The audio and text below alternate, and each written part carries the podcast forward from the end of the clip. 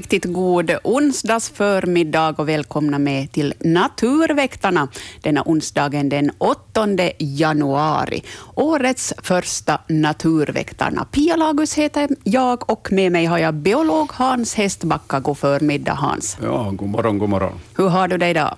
Ja, mörkt eller där ute åtminstone. Hör du, det väntas eventuellt värmerekord för januari månad i Finland. Va, vad säger det här om läget i naturen just nu? Ja, no, det finns nog flera arter som blir störda förstås av sånt här varmt väder. Det ska ju vara kallt nu och snö och is och, och det är ju tvärtom. Så att eh, speciellt ja, bland växterna så kan ju en del börja reagera på det här varma vädret, men, men det är en minoritet bland de här, bland de här växterna. Så de flesta är ju nog uh, anpassade till att börja vara verksamma först på våren. Men, men de sätter det sina spår nog. Mm, men sen kan man tänka att de fåglar som, som övervintrar, de har kanske lättare att hitta mat nu? Mm, det har de ju. Eh, Eh, de har samtidigt också kortare dagar eftersom inte vi har någon snö som lyser upp. Eh, men eh, det går jämnt ut det där, så de hinner nog äta tillräckligt. Men sen sprids ju sjukdomar lättare, speciellt vid fågelbräden när det är så här varmt. Så man ska hålla, hålla dem rena, rengöra dem en gång i veckan så att det, matningsplatserna är rena så att det inte blir salmonella-epidemier och fågelkoppsepidemier. Mm. Och, och, sen tänker jag på de här djuren som, som har gått till dvala i ide ja. och ormar under någon sten. Börjar de känna av vår i luften redan nu? Eller? Nej, det tror jag inte. De har nog en inre biologisk klocka som, som håller dem nedsövda och som väcker dem först på våren. Men de har ju lättare att övervintra förstås när det är så här pass varmt. Mm. Det är inte så där som Mumintrollen som plötsligt vaknar upp mitt i vintern. Nej, nej de, de har nog en, en ganska bra biologisk klocka som sköter det där. Det viktiga är ju förstås att det inte rinner ner regnvatten och smältvatten i, på deras övervintringsplatser eller i deras hålor, för att då, då kan de ju drunkna i, i, det, här, i det här smältvattnet. Mm. Ja.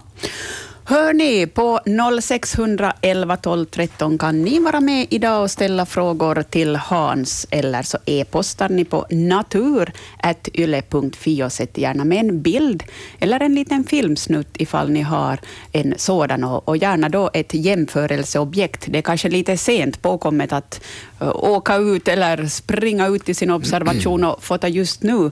Dessutom är det ganska mörkt i stora delar av landet fortfarande, men eh, ifall ni har till nästa månad att tänka på någon observation. Ha en litet jämförelseobjekt så det är lättare för Hans här att tyda vad det är riktigt vi ser. 0611 12 13 bara att plinga på så svarar vi här. Men vi har ju faktiskt en hel del post att bearbeta och vi har lite kvar från förra månaden och, och en del frågor som du lovat att forska lite eh, djupare i. Vi ska, vi ska börja med, med Yngves fråga.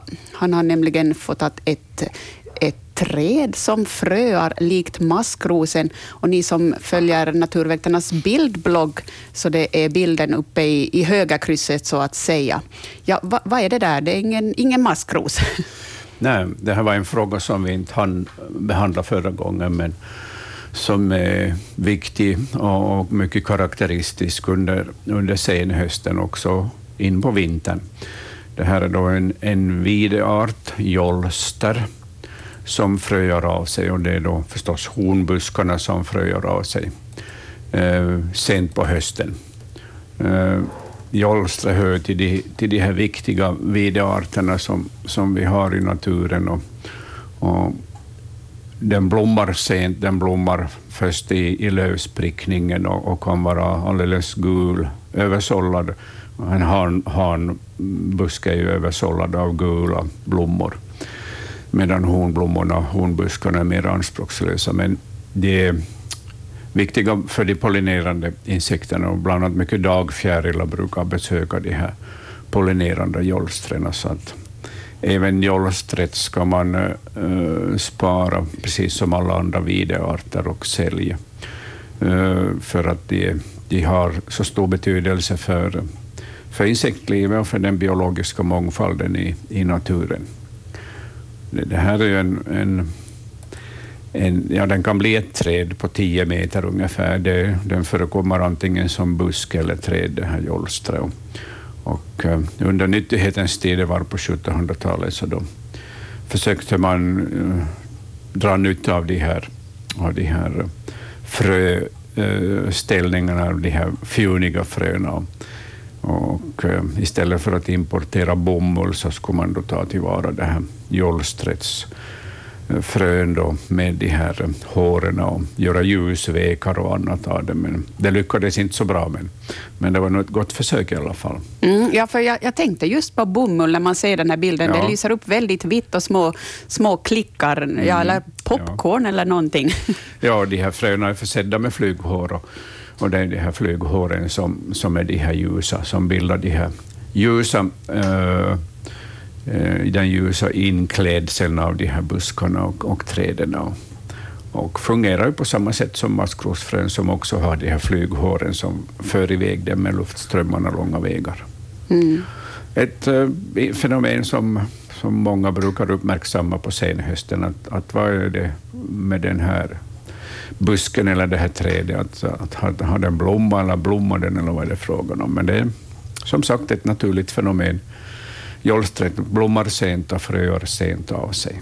Ja, och den här bilden är tagen 6 november och ja. det är höstruskigt runt, men den lyser klart vitt upp hela, hela bilden. Ja, ja, jag såg nog igår när jag kom körande till Vasa, så såg jag på flera ställen äh, jolster som, som stod överdragna med de här, med de här duniga fröna.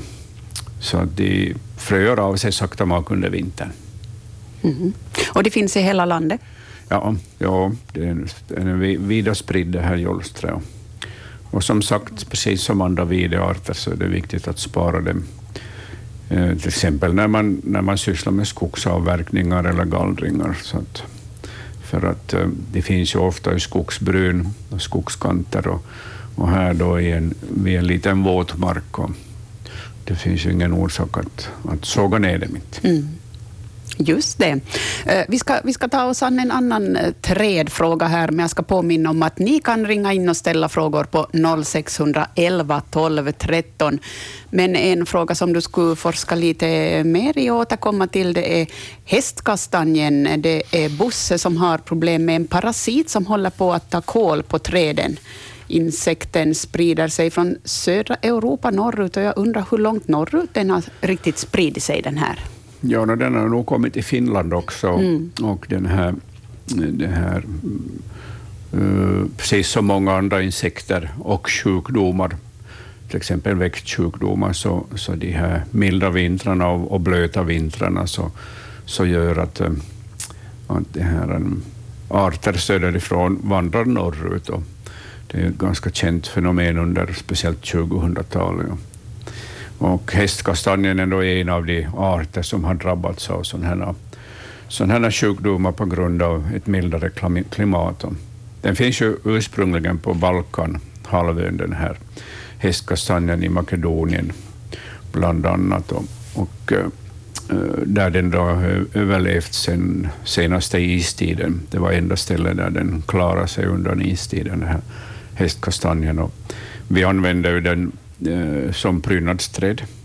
Och den finns ju planterad framförallt i, i södra Finland, men också på vissa orter längre norrut i mellersta Finland. Mm. Men den här parasiten då som har ja. angripit den, hur kan man ta den här övervintrar då dessutom i ja, bladen? Den här minerarmalen då som, som eh, lägger sina ägg på, på det här eh, på bladen och sen kryper larven in i, i det här bladet och minerar den så den, den leder till då att de här bladen blir bruna och, och det ser ganska eländigt ut, det här angripna trädet, tillsammans med, med det här, en, en svampsjukdom som tränger in i de här gångarna som de här larverna, larverna äter i, i bladen. Så det här är då en, en kombination av, av två, två det här angrepp, dels minerallarven och dels den här svampsjukdomen och den leder till en ganska omfattande bladbränna hos de här angripna kastanjerna. Mm. Kan, kan, man skydda sig mot det här på något sätt? Ja, no, de, här, de här bladen så, så uh, faller till marken och där uh, övervintrar de här, de här pupporna. Minera, det här, mineralmalens puppor. Så att det bästa sättet är att samla upp alla blad och bränna upp dem, så kan man åtminstone minska på antalet minerarmalar som kläcks sedan på våren. Tyvärr så, så har det ju dragit nytta av, av de här mildare vintrarna och, och det krävs minus 20 eller mera för att de ska dö, de här pupporna. Så att, så att det här, minus 20 får vi ju faktiskt skåda i månen efter nu för tiden. Mm. Så det här, men eh, i Helsingfors har man ju sågat ner en hel del av de här hästkastanjerna som, som det har blivit angripna. Mm. I Sverige så har man tagit det mera lugnt och, och, och konstaterat att en del träd klarar sig och andra klarar sig inte. Mm. Men det är ju en sjukdom som förstås, eh, som förstås det här eh, att ta på allvar. Det kan ju hända att, att, eh, att, här, att vi förlorar de här planterade hästkastanjerna helt och hållet. Och det är synd, för de har ju en, en oerhört vacker blomning när de blommar sedan på sommaren, våren och sommaren. Mm. Mycket vackra. De, de, här, de här kastanjerna är annars giftiga, hästkastanjens kastanjer, så man kan ju inte äta dem eh, som man kan äta äkta kastanjer. Det är ju viktigt att veta. Bra att komma ihåg. Ja, ja, verkligen. Mm. Nu har vi någon med oss per telefon. Jag säger tänkte säga välkommen till Naturväktarna, men då, då la man på. Ring upp igen på 0611 12 13 passar riktigt bra nu. Naturväktarna ända fram till klockan 11 naturligtvis den här onsdagen, precis som varje första onsdag i månaden, ska vi säga. Välkommen med. Hallå? Hallå, hallå, nu är du med i Naturväktarna. Ja, det var Krima. God morgon. God morgon. No, jag, jag tänkte bara säga he, he, det här, an, eh, här för några dagar sedan, jag tror det var julhelg, jag minns nog vad, vad dag det var, så for eh, två stora svanflockar söderut. Så ja. då väntar de väl vintern nu. ja, det här vi har ju fått allt mera övervintrande sångsvanar i vårt land. Och det här är då flockar som har, har legat någonstans, kanske i någon havsvik eller i någon åmynning, älvmynning. Och, och det har ju varit längre norrut så har det ju faktiskt förekommit minusgrader som har gett isläggning, tillfällig isläggning åtminstone. Och, och de här, uh, den här isläggningen har ju förstås jagat de här svanflockarna söderut. Jo. Ja, ja no, jag, jag brukar tänka, alltså förr i världen så, så, så på höstarna så när äh, gåsar och svanar börjar fasa där ut så då väntar ja. de nog vintern. Men, Visst, ja. Men äh, det har jag inte sett faktiskt i år, men så har vi ju är och ganska stora svanflockar var ja. två stycken. Ja. Nåja, det var det där jag tänkte på. Ja, ja. Meddela. Mm, tackar. Tackar. Tack ska du ha. Hej då. Ja, så det normalt så, så flyttar ju de, de flesta svanar söderut fortfarande på hösten. Men eh, den har börjat övervintra allt mer och mer i vårt land. Jag var faktiskt för några dagar sedan i Kajana och, och eh, där fanns 30 övervintrande sångsvanar i, mitt i stadens hjärta i, i, det här, i, i älven, mm. som var isfri. Och, och där man matar också de här fåglarna. Så att, det här är nog ett fenomen som vi får vänja oss vid mer och mer. Men, men sen brukar det ju bli, om det raskt fryser till, så kan mm. de hamna i trubbel, de här svanarna? Ja, no, speciellt ungfåglarna som inte är vana att, eh, att, eh, som inte är vana vid is, framförallt inte ny is. De kan uh, hamna i blåsväder för att de, de kan inte lyfta från isen och, och, när den är blank så kan de inte få fotfäste som de gamla svanarna. Så att ibland händer det att de kan råka illa ut. Ja. Mm. Här plingar det på riktigt friskt. Välkommen till Naturväktarna. Vi tar nästa. Välkommen till Naturväktarna. Ja, god morgon. Det här är Ragnhild Hedskog från Vasa. Hej på dig. Jag var ute och promenerade här i kasernområdet. Och jag tyckt att duvorna hade ungar. Finns det en möjlighet att de har det? Eh, Det finns faktiskt den möjligheten. Eh, För det pittrar duktigt. Ja, eh, tamduvan, eller stadsduvan som den också Ja. kallas, så, så den är ju faktiskt den fågel som kan häcka eh, nästan året runt eh, inne Aj. i städerna. Och nu när vi har haft så här varmt väder så, så har säkert eh, det inspirerat dem till att börja häcka redan. Ja, för det, det, de har pluggat här på gården där jag bor på Skolsgatan. Ja. Och helt plötsligt är det försvunnit och nu hörde jag det där ljudet när jag gick till stan igår. Ja, ja. Ja, Ja, okej. jag, jag har nog sett, äh, sett det här tamdungor som har matat sina ungar i, Ja, i, i januari och februari. Så att, Ja, det var kul att se. Det var nog sommarin. ja. ja, Okej, det var bara det. ja. Tack ska du ha. Mm. Hej. Hej då. Här tar vi raskt in nästa samtal. Välkommen till Naturväktarna. Hej, Eva Stig det här från Vörå. Hej på dig. Hörde, jag har haft en ovanlig gäst i, i min bil. Jaha. En i motorhuvan har jag haft, jag tror det var ett möss, men det var åtta centimeter långt fick jag den fällan och, och det här, det var ljusbrunt. Ja. Äh, mössen, kan mössen vara den färgen och är det mörkaktig? Det Det var så Ja. stort tycker jag. ja, men, men det här sk- skogsmusen är ganska ljusa. Ja. Men har du fotograferat det här? Nej, tyvärr, jag kastade bort den. Ja. jag, jag har nog det med. Den hade i det skräp. Det. lång svans i alla fall. Ja, Ja. Mm. Men de kan vara förvånansvärt ljusa. Ja, det var ganska tjock var den också. Jag, jag märkte det var lukten in i bilen och så, Ja, precis. så lyfte upp motorhuven så såg den där men det försvann den. Så satte dit en fälla och så Ja, dagen därpå var det nog i källaren. ja precis. Ja. Mm. ja, de kan söka sig in på mm, de märkligaste platser, de här mössen. Ja, jag har nog hört, hört att andra som har haft i bilen också. Ja, ja, det är ett skyddat ställe. Ja. Ja men tack så mycket bara. Ja, ja, tackar. Tack ska du ha. Hej då. Hej. Hallå, här är Naturväktarna. Välkommen med. Tack, det kom fort direkt. Jag heter Raffe Simonsson, jag är från Helsingfors. Det talar om sångsvanarna. Ja, Så det var 19, 1995 så åkte jag på Skärgårdshavet med skridskor. Det fanns tusentals sångsvanar som frusade fast i isarna utanför Jurmo. Aj, de frös fast. Så många. Så jo, det de, de sitter fast där, de som inte lär sig åka söderut så de, de försvinner, naturen tar hand om dem sedan. ja, jag minns inte att så stora mängder skulle ha, ha det här och omkommit i, i isen.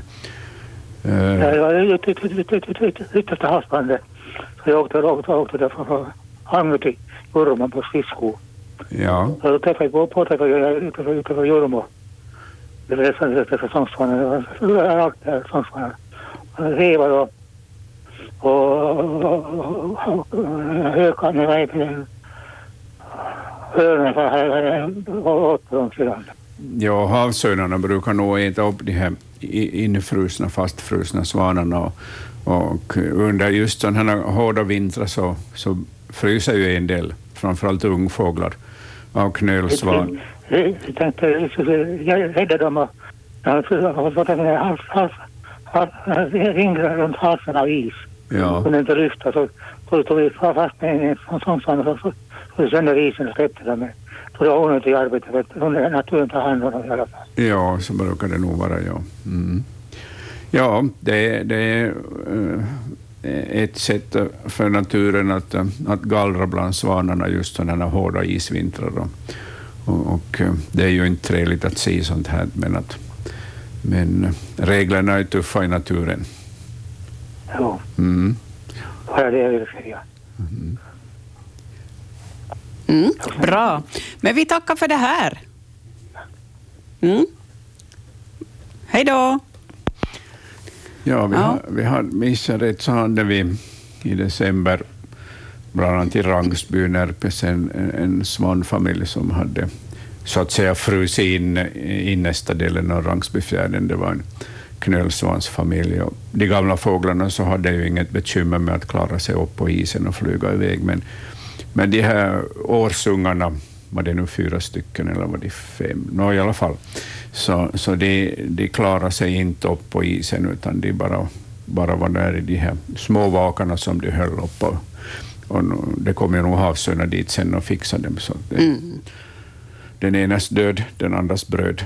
Sån är naturen. Ja, ja. Men ibland får vi ju läsa de här solskenshistorierna. Ja. Brandkåren räddar ju svanar på löpande band ibland. Ja, ja, det är ju trevligt att de kan göra det, men att det, jag förstår ju väl att, att ibland så måste de låta sådana här infrusna svanar vara, för att de kan ju inte riskera manskapets liv för en svan. Utan i, men i, i många fall så, så lyckas de, kan de komma ut till de här svanarna och ta hand om dem och befria dem från det här isfängelset.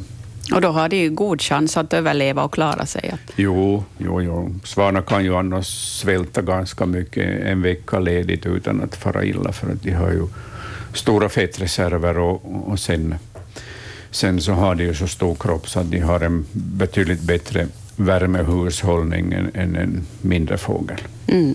Idealkroppen. Ja, ja, ja. Här plingar det på på 0611 12 13 och jag säger välkommen till Naturväktarna. Där försvann det samtalet. Skojeri på linjen här.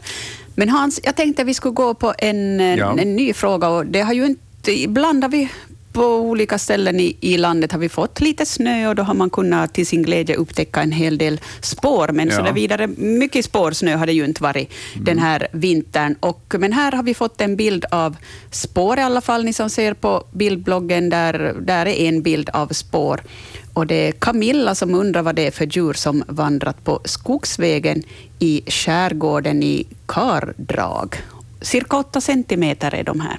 Ja, det, det här är Eh, ett tunt, tunt snötäcke som, som finns på marken och, och det räcker till för att, att, eh, att det här djuret då ska ha lämnat sina spårstämplar. Och, och man ser att de är mycket så där runda och mjuka av sig, de här spårstämplarna. Och väl samlat, inga klospår, inga tecken på klor i, i de här trampdynorna eller i, i, i, i kanten av trampdynorna som man alltid ser när det är fråga om några hunddjur. Och åtta centimeter passar bra in också på, på den här djurarten. Det är alltså en lo, en lo som har gått eh, över det här, på den här skogsbilvägen och, och uh, storleken så säger att det är en lohanne, en vuxen lohanne. 80 centimeter så är ganska max för ett sånt här tassavtryck. Men alldeles eh, uh, kännspaka, kännspaka uh, tassavtryck av lo. Och vi har ju en hel del lo och varg som stryker omkring i markerna, men, men, men eh, det behövs ju snö för att man ska kunna spåra dem ordentligt och, och kunna lägga märke till. Men här på den här skogsbilvägen då så, så har det lyckats för Camilla att, att fotografera tydliga tassavtryck av lo. Mm, mjuka och vackra spår Ja. där. Mm. Ett sirligt djur. Ja, och en otroligt skicklig jägare också, som eh, är specialiserad på, på det här rådjur och vitsvanshjort hos oss, och givetvis mindre djur som, som fälthare och skogshare och katter. Den har ganska mångsidigt födoval. Mm. Men rent fantastiskt egentligen, som du sa här, att det, det lämnas inga spår av klorna här, men det vet vi ju, lodjuret har ju enorma klor, Ja. långa och vassa. Hur, hur lyckas de liksom dra in dem när de går? Ja, det är ju typiskt för kattdjuren att, att de drar in sina klor. Eh, också tamkatten gör ju likadant och, och nästan alla, alla det här kattdjur i världen. Uh, geparden är ju ett undantag för den, den behöver sina klor när den springer. Springer otroligt snabbt, men, men alla andra kattdjur så, så skyddar ju sina klor för, och drar in dem i, i tassarna så att de inte ska bli ovassa när de rör sig i terrängen. Eh, klorna ska ju vara det här greppet som de får sen om bytesdjuret också, som de kan riva upp bytesdjuret med, men framför allt försvara sig. Försvara sig mot fiender. De, de, det finns ju många, många berättelser från, från den tid då man jagade lodjur intensivt i Norden och blandat med hundars hjälp. Så, så det här, när, de blir, när en sån här vuxen, ett vuxet lodjur blir upphunnet så kastar den sig på rygg i, i värsta fall för att försvara sig och då kan den riva upp buken på den här hunden om den anfaller. Så att de är otroligt effektiva redskap, de här klorna. Men de måste vara indragna för att de ska hållas vassa. Mm, just det. Eh, då ska vi lyfta på luren igen. Jag säger välkommen till Naturväktarna. Ja, det är Inger Höglund, hej. Hej på dig! Jag har en, en sån fråga. Vi har vid vårt äh, fågelbräde, så matar fåglarna, så har vi en domherre som är en hanne som är lite ljusare än, Ja, än de brukar vara. Och sen, sen så har jag aldrig sett att den går. Utan den ligger platt på marken och äter och sen, sen när den, den liksom flyttar sig från ställe till ställe så, så fladdrar den med vingarna som en kolibri. Att kan den ha skadat sina ben eventuellt och varför är den så ljusröd? ja. Har den uh, burrat upp sin fjäderdräkt, sin dundräkt? Nej. Den har det inte. Ja. Det, mm, det, det är tydligen en domherre, Hanne, som, som, eh, som har svårt att producera färgämnen. Och, och, eh, det kan vara en, en genetisk eh, defekt som den har, som gör att den, den producerar bara lite rött, lite färgämnen och därför är det så Jo. ljus. Och, och eh, möjligtvis så kan det här då, eh, den här genetiska effekten också återspegla sig på, på, på de här fötterna som inte fungerar. Jo, jo, Ja. Jag tror de hänger ihop, de här två, två sakerna. Ja. jo. Skulle, Ja, den, har skulle den vara salmonella-angripen så skulle den ha burrat upp sin Jo, fjäderdräkt. jo, det var det som jag tänkte att jag Ja. måste följa med men att Ja. de här andra, eller de här domherrarna här nästan alla dagar och äter och den, Ja. den med men att jag har liksom inte märkt att den skulle, den skulle burra upp sig eller Nej, det skulle nej. vara något annat. Inte heller. Ja, det är ju ganska Jag har sett den flyga upp på några, några kvistar heller så som de andra gör. Att jag Ja. vet inte vart den försvinner, att den flyger nog upp men att, Får den något grepp om kvisten? Nej, den är, jag har aldrig sett den att flyga upp i någon kvist. Ja, Jag vet precis. inte vart, Mm. den tar, vart den tar vägen. Inte. Ja, Att jag har försökt följa den, men den flyger bra sen när den flyger. Ja. den har tydligen förlamade fötter. Jo, jo, nog no, fel är det. Jag tänkte jag ska, jag ska fråga för Ja, att ja. det intresserar mig. Mm, visst, visst. Jag har fått svar på min fråga och god fortsättning på dagen. Tack detsamma. Tack för din Tack, fråga. Mm. Tack, hej. Hej då! Ja, sånt händer i naturen också. Ja, det finns ju alltid de här avvikande exemplaren som, som eh, har några defekter, genetiska defekter, och som kan ha sjukdomar också. Och de brukar ju inte bli så långlivade, för att till de här matningsplatserna så dras ju både sparvhök och, och sparvuggla och skatorna. Och alla håller de, de här småfåglarna under uppsikt och, och lägger förstås märke till sådana här avvikande individer som är långsammare och lättare att, att fånga. Så de brukar rensas ut ganska fort under vinterns lopp. Mm. Men hur är det inom den egna arten? Då accepterar de att, att det i flocken finns en som är, är lite avvikande? För det mesta så går det alldeles bra. Ibland så kan nog ett avvikande exemplar bli mobbat, men, att, men det, det sker inte så ofta, men det händer nog. Mm. Så där, lugnt på linjen. Vi ska ta oss an en, en till e-postfråga som har kommit in via natur.yle.fi. Där kan du också ställa din fråga. Och här är ännu en bildfråga. Det är en, det är en, en skumhög som ser lite intressant ut. Det är Karl Holmberg som har hittat cirka 15 centimeter breda skumbollar längs en skogsväg. Och vad är det här för någonting? Det ser ju ut som ja, lite som, ja, som skum, men lite snöaktigt sådär. Kan ni titta själv där, ni som följer med bildbloggen till exempel. Det här är tydligen uh, fotad vid roten av en björk. Och, och jag misstänker att alla de här skumbollarna så, så finns i, vid eller på eh, eh, rotdelen eller, eller nedersta delen på, på det här på trädet. Det är ett ganska märkligt fenomen det här faktiskt, men det är alldeles tydligt att är det sav som, som eh, sipprar ut från de här träden och bildar sådana här skumbollar.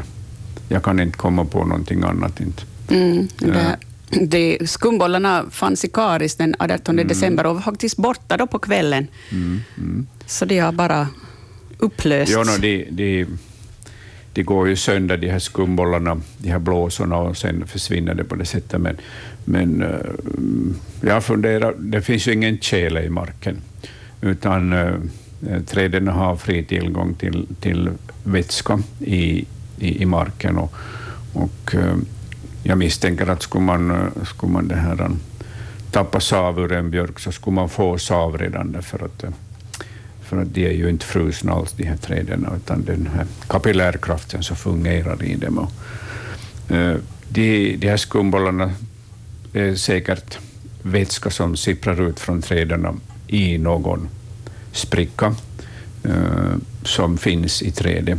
En naturlig spricka eller sen någon spricka som, eller någon hål som eh, spillkråkan har gjort. Det och sen kommer det ut med sån hård kraft ur de här små hålen så att det bildas det här skummet. Skummande sav, en ny exportprodukt. Men ganska kortvarig. Ja, man ska vara ja. snabb där. Mm. Ja. Men det är nog ett fenomen som inte syns under vanliga vintrar, utan det krävs nog just den här milda förhållanden och tjälfri mark. Mm, det är mycket nytt vi får uppleva i naturen när vi har den här Visst är det. väderleken vi har. Ja. Här plingar det på. Vi tar in nästa telefonfråga. Välkommen till Naturväktarna. Jag var Nylund Erik Burmo. Hej. Hej på dig. Jag har en liten fråga. Vi har alltid haft så mycket grönfinkar och ja. nu har vi inte alls. Ja. Är det, har, de, har vi misskött dem eller? No, vi har ju tidigare, för några år sedan, misskött grönfinkarna ganska hårt i, i, i hela Norden genom att mata dem under sommarhalvåret också. Då hade spridit sig en parasit hos de här uh, grönfinkarna, ett urdjur som angriper svalget och, och får dem att dö helt enkelt av, av ett sånt här massivt angrepp. Och, uh, minns jag rätt så halverades grönfinkstammen så där i snitt i, i våra länder och i de nordiska länderna. Och den har nu återkommit sakta mag, den här grönfinken, men, men det här, den är inte uppe i samma rika antal som före det här omfattande två, treåriga utbrottet av den här sjukdomen. Så vi matar nog inte på somrarna, vi slutar nog på våren. Ja, men, men, och det är ju bra att man inte matar under sommarhalvåret, men, men det, här, det tar ju sin tid för en, för en sån här uh, stor åderlåtning. Jo, eh, alltså väldigt mycket av dem. Ja, det fanns, mycket, det fanns mycket av dem före det här utbrottet. Och, och, och, det gör dem också mycket utsatta för ett sånt här utbrott när det jo. bryter ut sen på sommaren. Jo. Men uh, den kommer nog sakta mak tillbaka, grönfinken. Det ska vi hoppas. Och, för jag har nog sett den på flera ställen, men som sagt, det tar sina år det är trevligt med olika fåglar. Ja, visst är det det. Ja. jo, jo. Jo, tusen tack. Ja. Tack, tack. Tack för det. Ja, grönfinken och grönsiskan var de två arter som drabbades oerhört av, det här, av den här sjukdomen. Och bo, båda det rapporteras i alla nordiska länder förutom Island och, om, om sådana här omfattande omfattande utbrott. Och det var framför allt under sommarhalvåret som, det, som de bröt ut de här epidemierna. Så det säger ännu en gång att, att man ska inte mata under sommarhalvåret då det är varmt och när fåglarna annars också hittar föda alldeles tillräckligt. Fast det är trevligt att ha 50 grönfinkar och grönsiskor på sin gård, men det är förödande för dem. Mm, vi ska komma ihåg, det är inte tamdjur, utan det är Nej. vilda djur som mm. behöver få leva sitt eget liv. Ja. Uh, vi ska se här, vi ska ta en fråga från e-posten. Här är ingen bild med, men den lyder så här. Vid torpet invid Grundsumpsträsk brukar jag i snön se spår som liknar harens, bara det, det liksom är passgång. Kan det vara en defekt hare eller annars något slags murveldjur? Det är en intressant fråga. Nu sätter vi Hans på pottkanten här. Ja, och, och det här, jag uppmanar eh, frågeställaren att nästa gång han ser de här, nästa gång det finns snö i marken, på marken och han ser de här spåren, fotografera och skicka oss, åt oss de här spåren. Det är eh, mycket osäkert att börja säga någonting om det här. Eh, passgångsgående harar har vi inte, men det är ju något annat djur förstås som har gått där. Men jag vill ha bilder på det. Mm. Ja. Men här var ju som sagt den intressanta slutsatsen här att harar går inte med passgång. Nej. De skuttar likt harar. Ja. ja. Mm. Hörni, 0611 12 13 får ni så gärna plinga på om ni vill ställa en fråga till biolog Hans Hästbacka här i studion i Naturväktarna. Ända fram till klockan 11 håller vi på, så ni har gott om tid. Och så går det ju riktigt bra att fortsätta e-posta oss på natur.yle.fi. Ska vi ta ändå en... Nej, nu tar vi in ett samtal. Jag säger ja. välkommen till Naturväktarna. Eh, det är Lotta Buchert här från Kyrkstedt. Hej. Hej på dig. Um, nu kom jag in i programmet först nu, så jag vet inte om ni hade behandlat det redan, men den här nyheten från Högholmen att de hade avlivat en svan som hade så kallade änglavingar, så delade någon i den där Naturväktarnas Facebookgrupp och sen så var det någon annan som kommenterade med en engelskspråkig artikel om att det skulle ha varit bevisat att såna änglavingar inte beror på att man har matat fulla i dem och bröd i dem. Så vad, vad är nu egentligen sant? Ja, de uppgifter som jag har så, så, det här, så säger att de kan få änglavingar av, av ensidig bröddiet. Det, be, det, betyder ju inte att, att, att det kan uppkomma av, av, andra orsaker, av genetiska defekter, men att men det här, åtminstone de uppgifter jag har så, så, så säger att det är ensidig bröddiet, bröddiet som är den största orsaken till änglavingar hos, okay. hos sjöfåglar. Ja. ja. Men äh, tycker man ändå då att, att man under vintern kan slänga några brödsmulor åt dem, eller är det något som folk borde undvika helt och hållet att göra? Ja, alltså man kan ju bra äh, mata dem också med bröd, men att äh, men spannmål är ju en ypperlig föda för, för sjöfåglar som övervintrar i, i städer och sen eh, varför inte också sallad och sånt som man kan få från butiken när de har gått ut. Så ett varierande, en, en, en, en, lite mer varierande föda är, är bra för dem. Och, och ger man spannmål och, och sallad så kan man också ge bröd, men det ska inte vara det, det huvudsakliga maten. Inte. Ja, precis. Mm, ja. Och inte under sommaren alls väl? Nej, det är helt onödigt. Och något vilda djur? Nej. Ja. ja. Precis. Tack ja. så mycket för det. Ja, tackar. Tack ska du ha.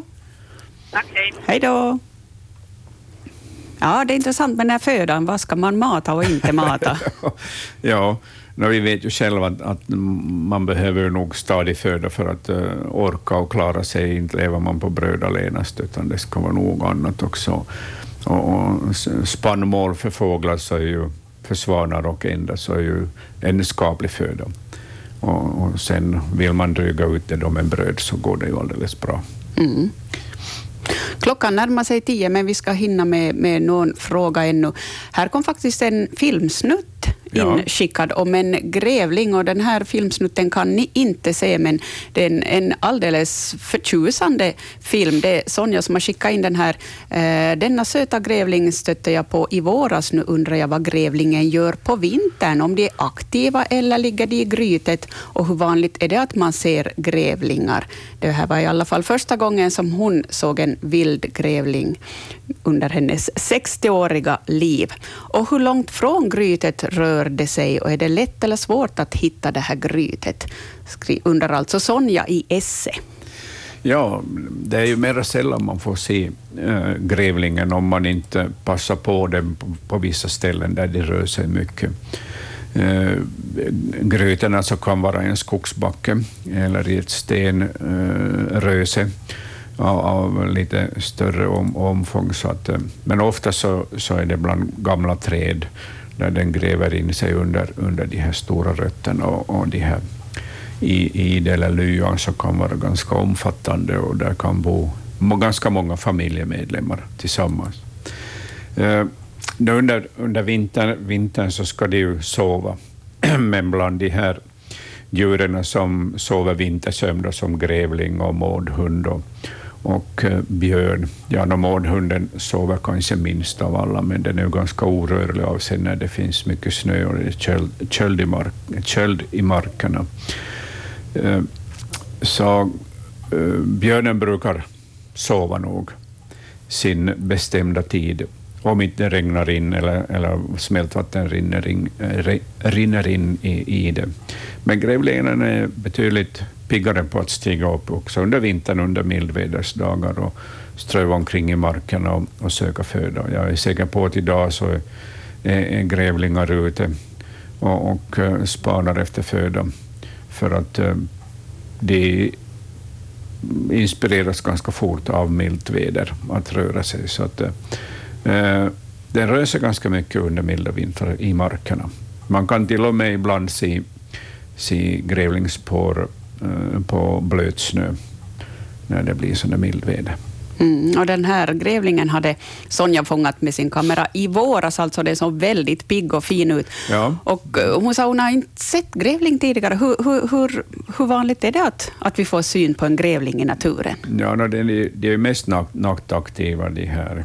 Kommer ut ur lyan eller i det på, i skymningen och sen strövar de omkring i markerna under natten och kommer tillbaka senast, senast på morgon, morgonsidan för att krypa ner i i det och sova där i lugn och ro. Så att, så att, eh, därför ser man ju eh, den inte så ofta.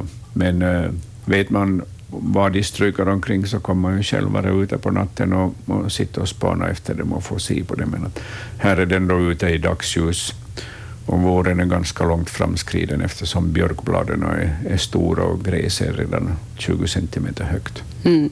Men, men, hur långt rör den det sig De kan grytet? röra sig flera kilometer nog när de är ute och, och söker, för att de, de äter ju uh, mycket smådjur, dagmaskar, skalbaggar, frukter, bär beroende på årstiden, uh, grodor, mm, fågelägg, fågelungar. Den är en, en mångsidig allätare, den här grävlingen och kan föda sig bra ute i markerna. Den är ju ett eh, väldigt sött och näpet djur, men, men vad har den för naturliga fiender? Vargen är den, är den tuffaste fienden. Så, så där, där eh, vargarna slår sig ner och bildar revir och eh, en, en lokal eh, flock så, så brukar grävlingarna minska drastiskt. För de är ofta ute i samma, samma, på samma tider i, i markerna, de här två, och vargarna äter gärna grävling. Mm. Just det. Ja. Hörni, klockan den tickar på friskt här mot tio, men Naturväktarna kommer naturligtvis att fortsätta efter tians nyheter ända fram till klockan elva håller vi på tillsammans med biolog Hans Hästbacka som besvarar just dina frågor. På 0611 12 13 går det bra att plinga på här, eller så sänd en e-post till natur.yle.fi och via, via Naturväktarnas hemsida. Där finns också ett frågeformulär där man kan skriva in sin fråga, så kommer den fram till oss, oss också. Men nu blir klockan alltså tio och det ska bli nyheter här i Yle Vega.